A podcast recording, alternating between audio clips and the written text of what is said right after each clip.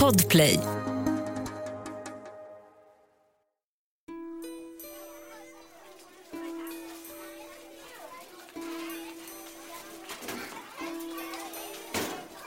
Det är en helt vanlig måndagsmorgon i den lilla byskolan Pantglass Junior School i Wales. Och i Mr Davis klassrum har mattelektionen precis börjat. Plötsligt börjar lågstadieeleverna vrida sig lite i sina bänkar och vända sig mot fönstren som vetter upp mot kullarna en bit bort.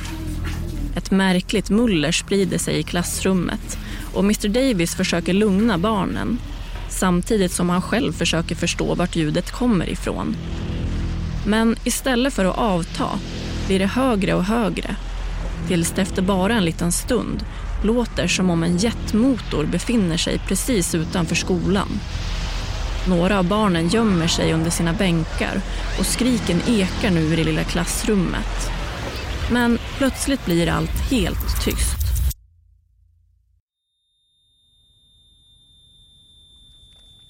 Åttaåriga Jeff försöker röra sin kropp men den är som fastgjuten i någon slags svart massa. Han förstår inte. Alldeles nyss satt han på mattelektion med sina klasskompisar och nu är allt tyst och mörkt omkring honom. Becksvart. Du lyssnar på Kod katastrof med mig, Amanda Lång om barnen i Aberfan som begravdes i kolslam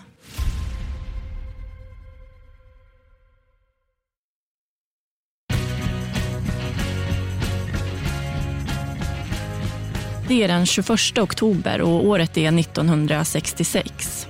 Tv-serien Star Trek har precis börjat sändas. Bob Dylan spelas på mångas radioapparater och kriget i Vietnam har intensifierats. Runt om i världen har människor börjat gå ut i stora demonstrationer för att visa sitt missnöje mot USAs invasion.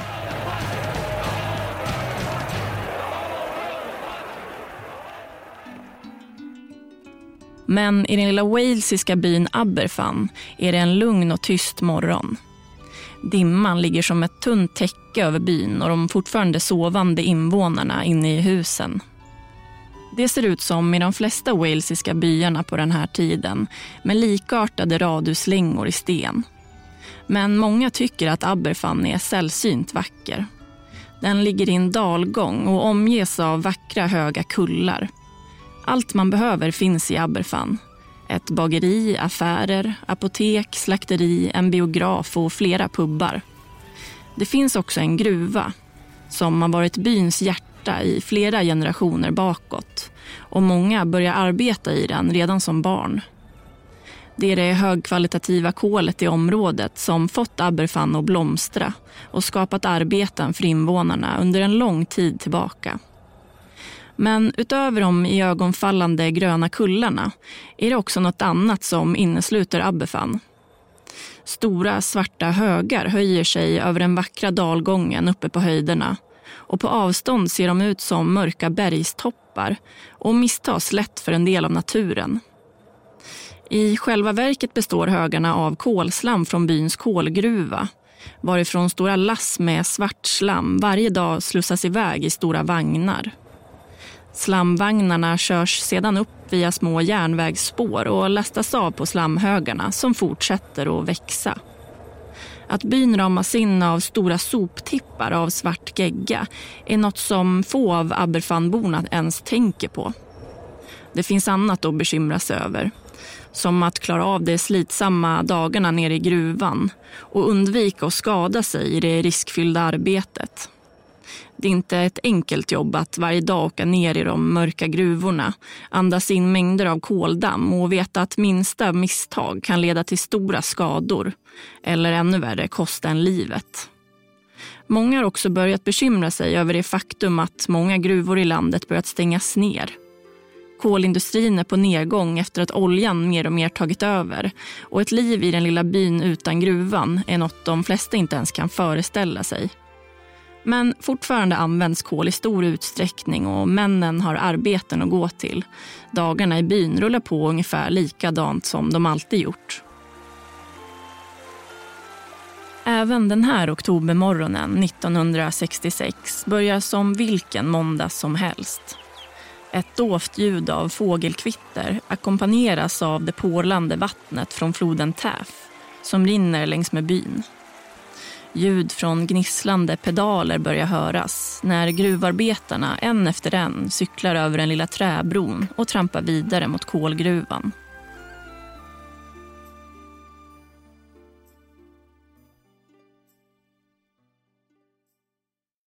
Klockan börjar närma sig halv sju på morgonen. Arbetet i gruvan pågår dygnet runt men snart börjar arbetsdagen för majoriteten av gruvarbetarna som jobbar dagtid. Från de små husen hörs det nu hur invånarna vaknar till och börjar göra sig i ordning för veckan. I ett av husen ligger 24-åriga Gerald Tarr och drar sig i sängen. Han ska snart göra sig redo för att gå till jobbet men är lite extra trött idag. Arbetet i gruvan är tungt och idag känner han hur kroppen gärna vill ligga kvar i sängen en stund till. Gerald började bryta kol så tidigt som i tioårsåldern i en by till. Men kärleken tog honom till Aberfan. Han och Shirley träffades på en dans som 15-åringar och det sa klick direkt. Hon kallades för Crazy Legs och han hade aldrig sett någon dansa som henne. Några år senare gifte de sig och bestämde sig för att flytta till samma gata i Aberfan där hon vuxit upp. Trots att Gerald nu bara är i tidiga 20-årsåldern anser han sig vara en erfaren gruvarbetare. Han vet att oavsett hur erfaren man är innebär varje dag på jobbet stora risker. Ett litet snedsteg och man kan ramla ner på fel ställe eller klämmas fast. Han har sett flera av sina vänner både skada sig och dö till följd av olyckor i gruvan. Men han är själv sällan rädd. Arbetet i gruvan är allt han känner till. Visst kan han gnälla ibland över tunga lyft och verk som uppstår efter att ha böjt sig i jobbiga positioner under långa dagar. Men det är också det slitsamma i arbetet som har skapat den där gemenskapen, tror Gerald. Den han älskar så mycket. Den där känslan av att de håller ihop.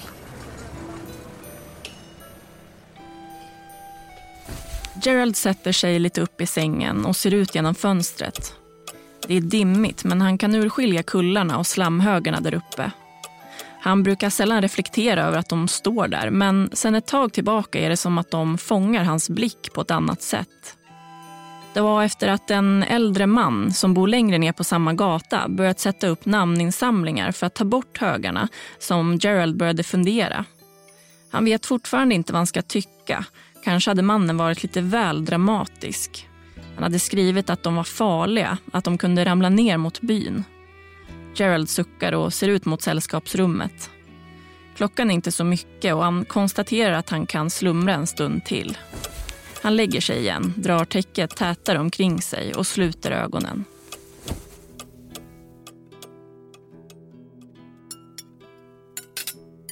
Några hus bort sitter åttaåriga Jeff Edwards vid frukostbordet tillsammans med sin familj och äter en skiva rostat bröd med smör och sylt. Jeff skyndar sig att äta upp och går för att klä på sig. Han älskar skolan. De är lite som en familj där. Alla känner alla och många föräldrar som arbetar tillsammans i gruvan. De vuxna på skolan är mer som extra föräldrar än regelrätta lärare. Jeff ser ner på sina kläder de har lite smuts på sig från gårdagens lek uppe på kullarna. Han skyndar sig till toaletten och skrubbar bort det med en borste. De går ofta dit efter skolan och ser på när de större barnen åker ner för bergen på stora brädskivor. Det får inte synas att han har varit där. En gång kom Jeff hem med stora revor i kläderna och svarta smutsfläckar från kolet. Det hade inte gjort mamma Tessie särskilt glad. Det är allmänt känt att barnen leker uppe på kullarna, trots att de inte får. Det kan ju vara farligt. Men det ses mer som ett hyss än något annat. Dags att gå, ropar mamma Tessie.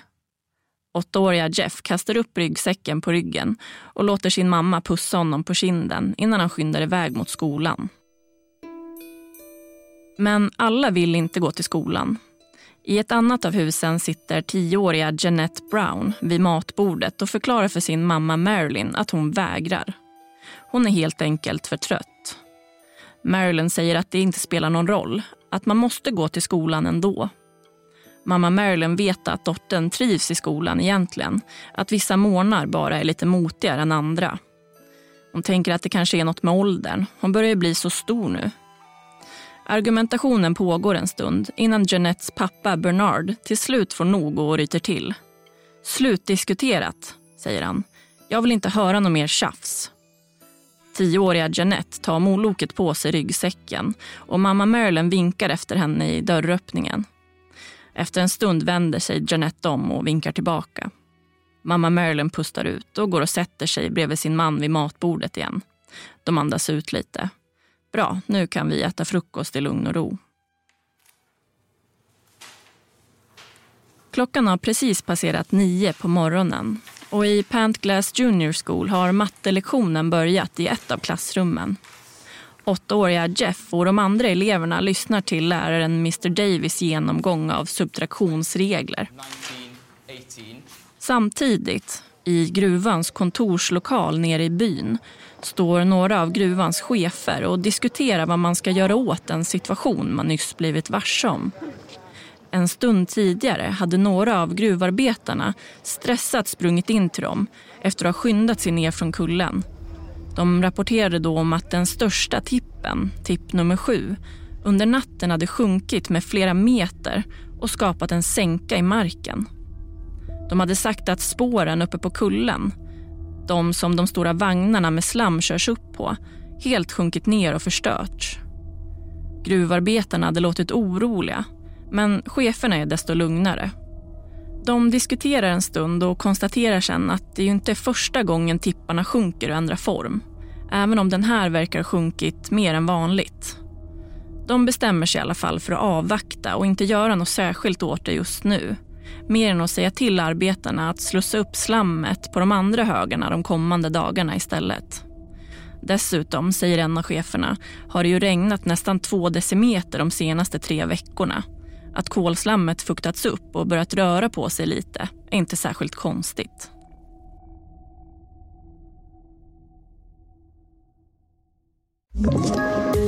Poddtips från Podplay. I podden Något Kaiko garanterar östgötarna Brutti och jag, Davva, dig en stor dos skratt. Där följer jag pladask för köttätandet igen. Man är lite som en jävla vampyr. Man har fått lite blodsmak och då måste man ha mer. Udda spaningar, fängslande anekdoter och en och annan arg rant. Jag måste ha mitt kaffe på morgonen för annars är jag ingen trevlig människa. Då är du ingen trevlig människa, punkt. Något kajko, hör du på podplay. Därför är gardinerna. Åttaåriga Jeff ser på sin mattelärare Mr Davis som med snabba rörelser sveper över griffeltavlan med en vit krita i handen. Jeff försöker hålla fokus men hajar till när läraren plötsligt stannar upp mitt i en rörelse. Mr Davis vänder sig mot fönstret. Det är något som låter där ute. Ett starkt brummande ljud, ett som Jeff inte känner igen. Några av barnen skriker till och Mr Davis ber dem att lugna sig. Det är bara lite åska, det går snart över, säger han. Det de inte vet är att berget av 150 000 ton uppfuktat kolslam just börjat flytta på sig. Det ligger fortfarande kvar där uppe på kullen men sjunker nu i hastig takt och ska snart komma att bilda en bred flod av tjock svart sörja. I Mr Davis klassrum fortsätter mattelektionen men det är svårt att stänga ute brummandet. Snart märker de att ljudet istället för att avta verkar öka intensitet. Mullret blir bara högre och tycks komma närmre. Det låter som en jetmotor. Åttaåriga Jeff noterar att också Mr Davis börjar se oroad ut. Samtidigt har den 34 meter höga tippen nu luckrats upp helt och det tunga kolslammet börjat glida ner för kullen, rakt mot byn. Det enda som ligger mellan skolan och den glidande tippen är några enkla hus. Det hela går snabbt och de små husen begravs omedelbart i den svarta sörjan och de som befinner sig i dem omkommer direkt. Nu fortsätter det tjocka slammet glida i en hastighet på ungefär 30 kilometer i timmen i en bana rakt mot den lilla byskolan 700 meter bort. Inuti skolan befinner sig 240 barn.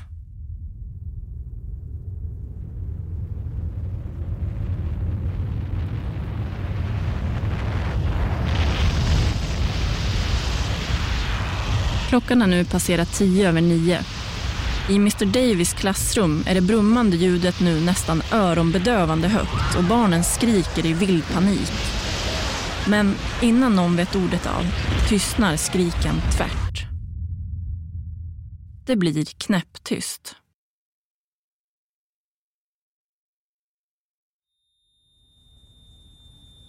Åttaåriga Jeff förstår ingenting. Det smärtar mot magen och runt omkring honom är det kolsvart. Han kan nästan inte röra sig alls. Han är fastklämd och något trycker hårt från alla håll. Något mörkt. Han känner ett huvud mot sin axel och förstår snart att det är hans klasskompis, flickan i bänken bredvid. Hon tycks inte röra på sig alls. Efter en stund hör han några barn börja ropa efter hjälp och ser en pytteliten strimma av ljus komma uppifrån. Han försöker trycka sig dit men det är som om han cementerats fast. I byn rusar nu människor mot skolbyggnaden som begravts i ett över nio meter högt berg av kolslam. Paniken är total. Nästan alla har egna barn eller känner något barn som går i skolan. Alla rycker om tag i vad de kan hitta, skrot eller trädgårdsredskap. Vadar upp ur den svarta leran och börjar gräva. Några gör det med sina bara händer och den blöta geggan kastas nu åt alla håll. Det panikartade sorlet bland människorna tystnar plötsligt när ett hjärtskärande rop hörs inifrån massan och de försöker höra varifrån det kommer. De springer dit och fortsätter grävandet med samma frenetiska rörelser. Klockan närmar sig halv tio när polis och brandkår nu får larmet om lavinen.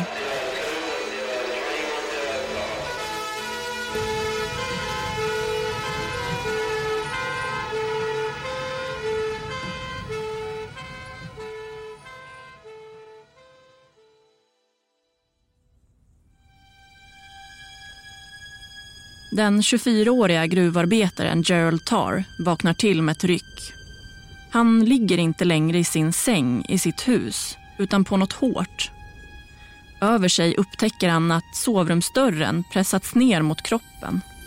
Han försöker tänka, men känner sig snurrig. Plötsligt minns han. Hans hund Buster hade kommit in i sovrummet trots att han aldrig annars brukar vara på övervåningen. Gerald hade förvånat sett mot hunden som spetsade sina öron och oroligt stirrade mot honom innan han hört ett högt knakande ljud och sett sovrumsdörren slungas emot honom. Efter det hade allt blivit svart. Det verkar nu i hela hans kropp. Som gruvarbetare förstår han vad det är han ligger i, känner igen den svarta sörjan. Men han begriper ändå inte vad det är som har hänt. Han kan fortfarande andas och upptäcker att dörren skapat en liten luftficka ovanför honom. Han försöker hålla tillbaka paniken och börjar istället ropa så högt han kan. Gerald ropar och ropar, men ingen kommer. Efter ett tag känner han hur luften börjar ta slut och avbryter skrikandet. Försöker andas lugnare. Men smärtorna gör det svårt. Han känner att delar av kroppen är krossade och efter ännu en stund hur tungan börjar svälla. 24-åriga Gerald inser att han snart ska dö. Klockan är nu halv tio och utanför skolan fortsätter de skräckslagna bybornas räddningsarbete. Plötsligt hör de ljudet av hårda stöveltramp mot marken. Människorna som vadar i kolslammet tittar upp mot vägen och ser hur en stor grupp gruvarbetare kommer gående i sina gula hjälmar med lampor på. De springer inte, utan marscherar de flesta av dem har drillats i National Service och fått lära sig att just marsch är det mest effektiva sättet att transportera en stor grupp. även när det är bråttom. En kort pust av lättnad går genom folkmassan men man vet att tiden är knapp. Snart ska det syre som finns där inne ta slut och man vet inte om man ska hinna nå fram till alla innan dess. Gruvarbetarna delar in sig i grupper och börjar vant och metodiskt gräva i massorna. Men det är inte ett enkelt jobb. De måste gräva försiktigt, ett skoptag på fel ställe och någon av dem begravd under slammet kan skadas. Alla andra backar undan och låter gruvarbetarna göra sitt jobb. Folkmassan imponeras över hur professionella de är. De vet att många av gruvarbetarna själva har barn i skolan. Men istället för att bara leta efter sina egna tar de sig an jobbet systematiskt. Arbetarna förstår att panik och egen agenda inte kommer att hjälpa någon. Tvärtom. Slammet är tjockt och tungt så grävandet går långsamt. Sörjan är också uppblandad med stora stenar, murverk, träbitar och metall som följt med från husen som krossats på vägen ner. Dessutom märker de snart något som ska försvåra arbetet ytterligare. Slammet som färdats de 700 meterna uppifrån kullen har på sin väg ner mot byn förstört två vattenledningar och det läckande vattnet rinner nu ut på gatan och in under slamhögen. Gruvarbetarna vet vad det innebär. Slammet kommer snart luckras upp och börja röra på sig igen. Allt måste gå snabbt nu. Lokalborna iakttar arbetarna som gräver så snabbt och med sån frenesi att det inger något som kan likna hopp mitt i den hemska situationen. Kanske, kanske ska det gå att rädda dem där inne. Snart börjar barn dras upp ur massorna. Några som verkar vara vid medvetande och några som till synes är livlösa. Alla bärs i rask takt ner till bilar som står med motorerna på redo att i full fart köra dem till sjukhuset. Efter det går en stund utan att några fler barn hittas. I takt med att minuterna rinner iväg börjar också hoppet göra det för flera av dem som nu står där. Som vet att deras barn ligger någonstans där inne, fastkilade. Men gruvarbetarnas letande fortsätter hela tiden i samma intensiva takt. Snart gräver man fram en ur skolans personal, den matansvariga Nancy Williams. Hon har avlidit efter att ha blivit krossad av massan. Men när man lyfter upp henne hittas under hennes kropp flera ihopkurade barn. Alla fem barn är vid liv.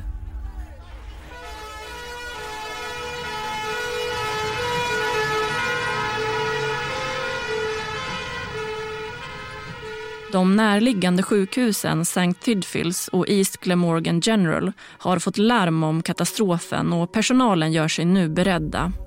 Ännu vet de dock inte riktigt på vad. Klockan är tio i tio på morgonen. Drygt en halvtimme efter att slammet rasat ner över byn när de första offren kommer fram till St. Tidfields sjukhus. Sen fortsätter de att komma, en efter en.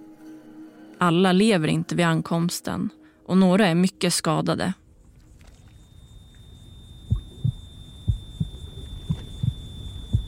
Den 24-åriga gruvarbetaren Gerald ligger fortfarande begravd under massorna ute på gatan med sin sovrumsdörr över sig. Han önskar att det hela ska gå snabbt nu. Han kommer inte klara sig levande ur det här och han vill inte att plågan ska bli för lång. Plötsligt hör han uppifrån hur någon pratar och känner genast igen rösten. Det är hans mjölkbud. Gerald klarar nu bara av att ge ifrån sig ett konstigt ljud. Men efter en liten stund inser han att det kan ha fungerat. Gerald hör hur det grävs precis ovanför honom och känner snart hur syre skjuter in i lungorna.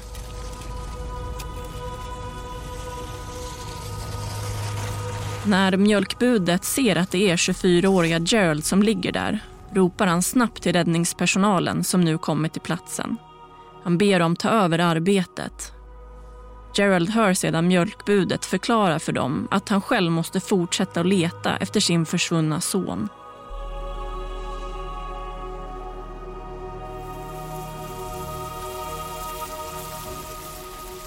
Under tiden som räddningspersonalen försöker få loss Gerald ser de hur vattnet från den spruckna ledningen snart är på väg att täcka hans ansikte. De måste få loss honom snabbt, annars kommer han att drunkna. Men dörren han ligger under sitter fast under något annat.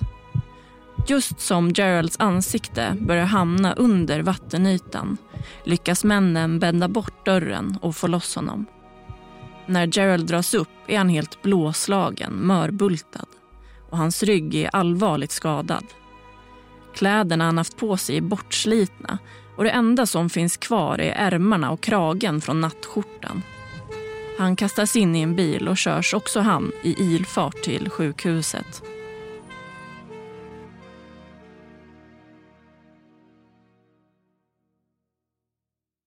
Vid skolan har räddningsarbetet fortsatt och kropp efter kropp grävts fram ur massorna. Nu är klockan snart elva och det har gått nästan två timmar sedan skolbyggnaden begravdes. I takt med att tiden passerat har de hjärtskärande barnskriken och ropen efter hjälp tystnat mer och mer. 21 barn har skickats till sjukhus, varav ett avlider under färden.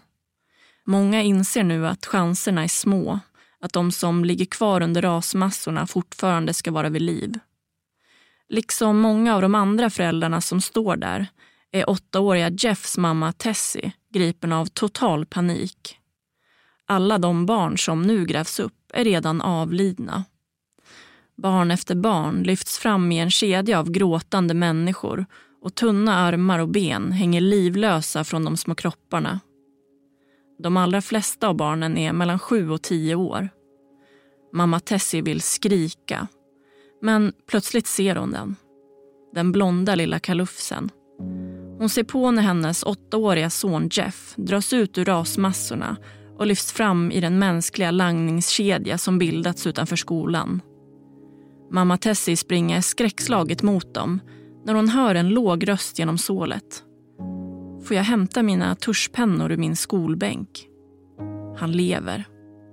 Tessie knuffar sig fram till pojken och sträcker fram sina armar. Hon tar emot sin lilla pojke och håller honom hårt i famnen medan hon gråtande tackar männen som räddat honom. Så fort åttaåriga Jeff lagt armarna om sin mamma Tessie kommer även hans tårar och han börjar ropa samma mening flera gånger. Mamma, hon var död. Tessie försöker lugna honom, säger att de inte säkert kan veta vilka som klarat sig än. Men Jeff vet. Klasskompisens huvud hade legat intill hans så länge och när ljuset börjat släppas in kunde han se flickan tydligare. Hur hennes ansikte svällt upp och ögonen sjunkit in. Klockan har nu slagit elva när mamma Tessie bär in sin son i en bil och kör mot sjukhuset. Samtidigt fortsätter det ödesmättade räddningsarbetet vid skolan.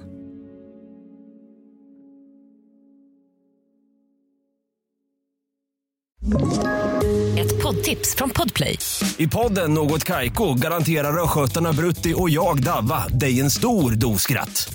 Där följer jag pladask för köttätandet igen. Man är lite som en jävla vampyr. Man har fått lite blodsmak och då måste man ha mer. Udda spaningar, fängslande anekdoter och en och annan arg rant. Jag måste ha mitt kaffe på morgonen för annars är jag ingen trevlig människa. Då är du ingen trevlig människa, punkt. Något Kaiko, hör du på Podplay. Därför är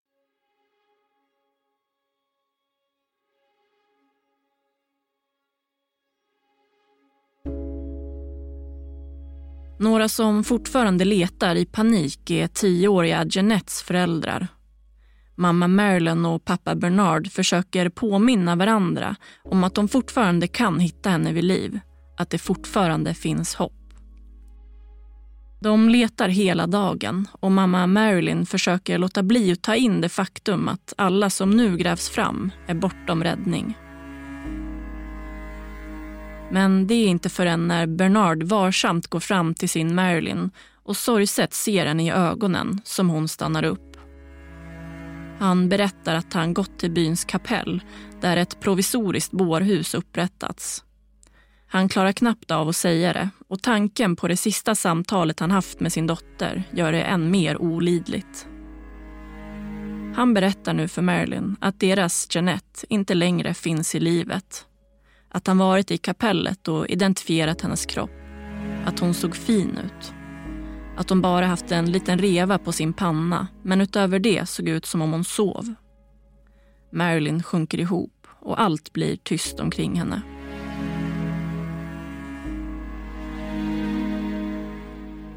Letandet fortsätter dygnet runt under de kommande dagarna men alla som grävs fram ur rasmassorna är redan döda. Tusentals privatpersoner och många reportrar kommer till platsen vilket leder till att de erfarna gruvarbetarna och räddningspersonalens arbete försvåras. Allt tar längre tid och det blir rörigt på olycksplatsen. Sökandet efter överlevande ska fortsätta under nästan en vecka innan man lyckats gräva fram alla de små kropparna. Åttaåriga Jeffs föräldrar får senare veta att han varit den sista man hittat vid liv.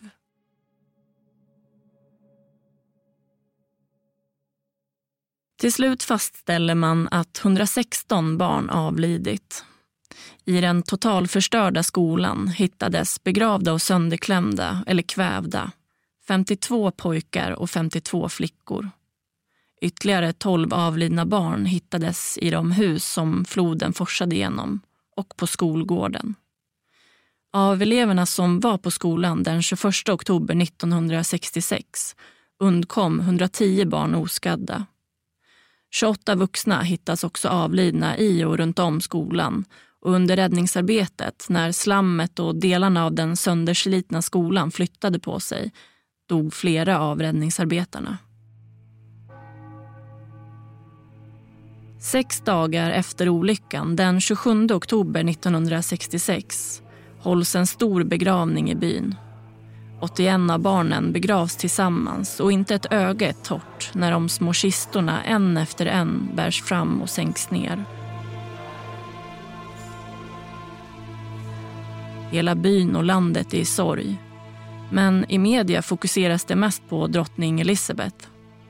Trots att hon omgående informerats om händelsen dröjer det innan hon åker till Aberfan i media utmålas hon som kall och arrogant och det anses som ett hån att andra medlemmar ur kungafamiljen istället skickats till platsen.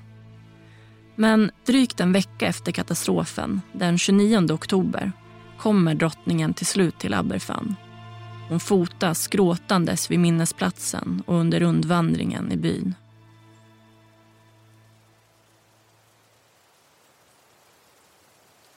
Tiden efter katastrofen går långsamt och byn är en annan. Inga barn hörs längre leka på gatorna och det finns färre bekanta ansikten att hälsa på. Alla känner någon som omkommit och byborna anstränger sig för att hjälpa de drabbade familjerna.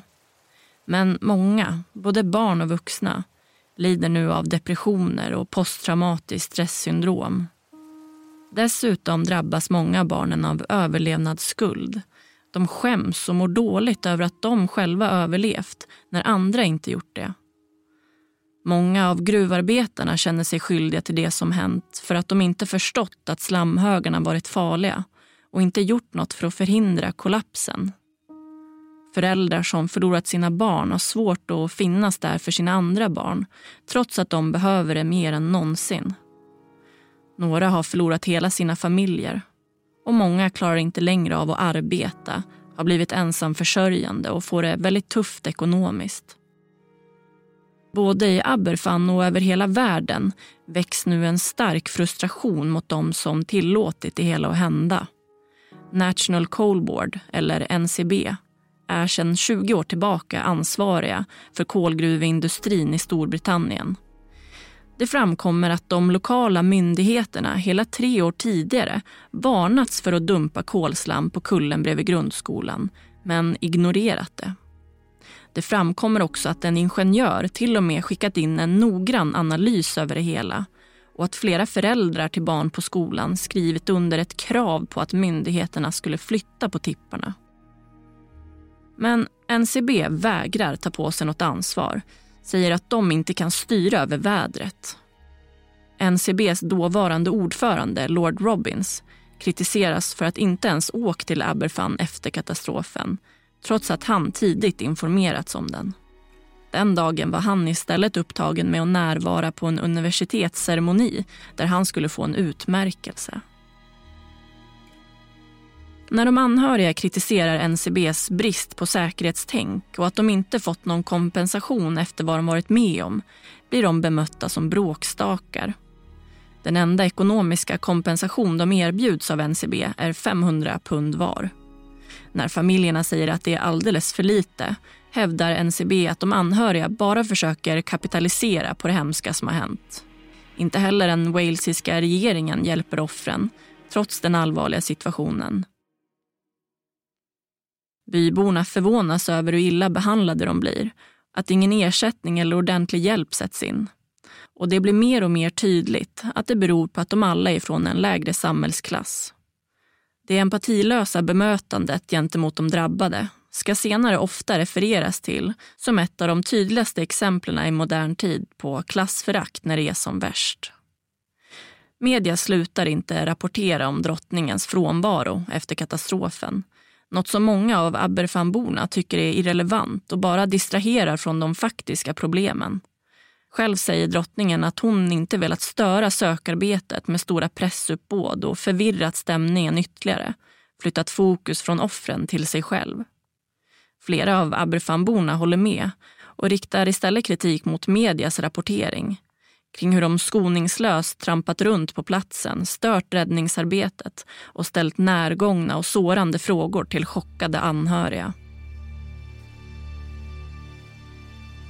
Den 24-åriga gruvarbetaren Gerald kommer efter en tid på sjukhuset hem och ser den massiva förstörelse som byn drabbats av. Han får veta att grannarna i hans flerfamiljshus hittats avlidna, krossade till döds.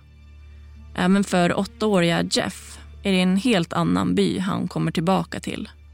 Han får veta att de flesta i hans klass omkommit, inklusive läraren Mr Davis. Lilla Jeff klarar inte längre av att vara i Aberfan. Han är rädd att någon av de andra tipparna som fortfarande står kvar ska komma ner över dem. Så han bor hos sin farmor i en närliggande by under en tid efteråt. Tioåriga Jeanettes mamma Marilyn blir efter förlusten överbeskyddande mot sonen Robert och behöver hela tiden försäkra sig om att han är okej. Okay.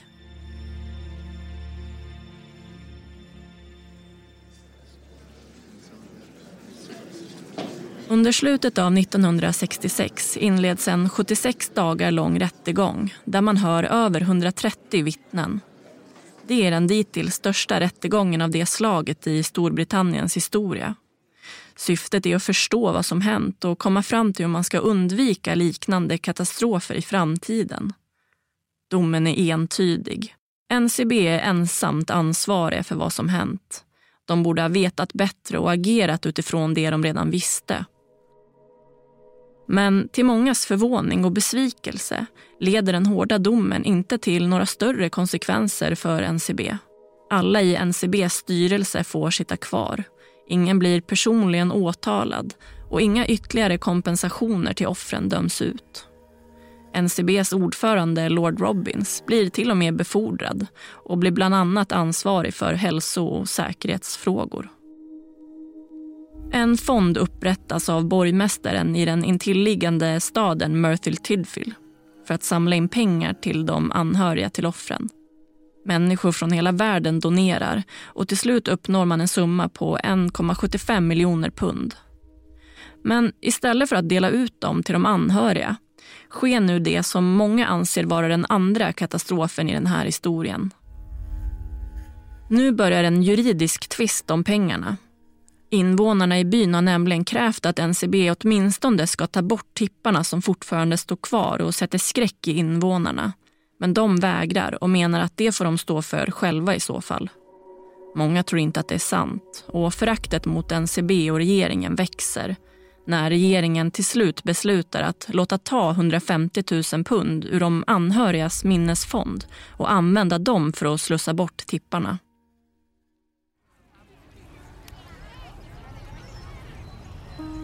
Något år passerar och ett till. Gruvarbetaren Gerald och hans fru Shirley bildar sin egna familj och byns gator börjar långsamt fyllas av barn igen. Men det som hänt ligger som en skugga över byn och man refererar till barnen som gått bort som byns förlorade generation. För gruvarbetaren Gerald och frun Shirley blir deras ständiga oro och överbeskyddande sätt mot sina egna barn en daglig påminnelse. 1969, tre år efter olyckan, upprättas ny lagstiftning som reglerar hur avfallet från gruvorna får hanteras. Politikerna har förstått hur dåligt reglerat det hela varit efter att ha läst rapporten från rättegången. Men i rättegången avslöjas också andra säkerhetsbrister nämligen de för gruvarbetarna och de som kom till platsen. Och några år senare, 1974, träder också lagen om säkerhet på arbetsplatsen i kraft. Det ska dröja ända till 1987 innan pengarna som den walesiska regeringen stulit ur fonden betalas tillbaka till offren. Men istället för att räkna med inflationen och betala de över en miljon pund som de 150 000 punden hade varit värda 21 år senare betalar de samma summa som de tog 1966. Mamma Marilyn, som förlorade sin tioåriga Jeanette öppnar efter en lång tid upp sig om sina upplevelser den där dagen 1966. Hon berättar också att hon fortfarande stryker sin hand över ett fotografi på dottern som hon har i hallen. Jeanette hade varit över 60 år idag och mamma Marilyn funderar ofta över vem hon hade blivit som person. Gruvarbetaren Gerald säger inte heller någonting under en väldigt lång tid. Inte förrän 50 år senare börjar han dela med sig trots att både tv och tidningar tjatat på honom om intervjuer genom åren. Han säger att han inte velat berätta tidigare för att skona föräldrarna till barnen som omkom. Han ville inte att de skulle behöva läsa om hur han låg och klämdes i massorna och föreställa sig att det varit så för deras egna barn. När han väl berättar har det gått så lång tid att få, om ens några av föräldrarna, fortfarande är i livet.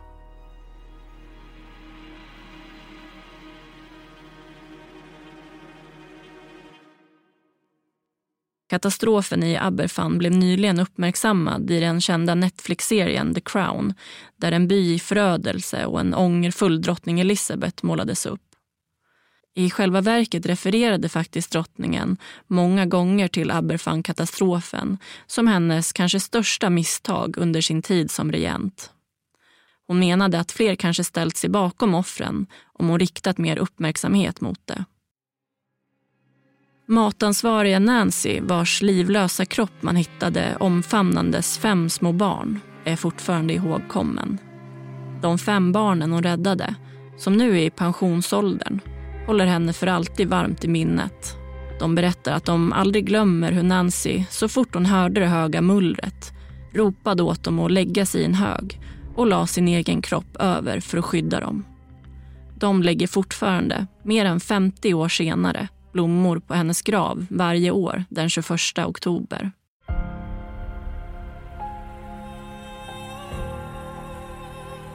Du har lyssnat på Kod katastrof om barnen i Aberfan som begravdes i kolslam. Manuset skrevs av mig, Amanda Lång. Producent var Mats Liljenberg och exekutiv producent var Victoria Rinkos. I nästa veckas avsnitt av Kod katastrof får ni höra om världens värsta flygolycka när två fullsatta jumbojet kolliderar med varandra på en dimmig startbana. I Panams cockpit skriker andre piloten nu för full hals i radion till kapten Van Santen. Men kapten Van Santen varken hör honom eller har längre någon möjlighet att köra av. Van Santen inser att det han nu är på väg att göra minst sagt bryter mot alla de säkerhetsinstruktioner han under sitt långa arbetsliv som pilot varit noggrann med att följa.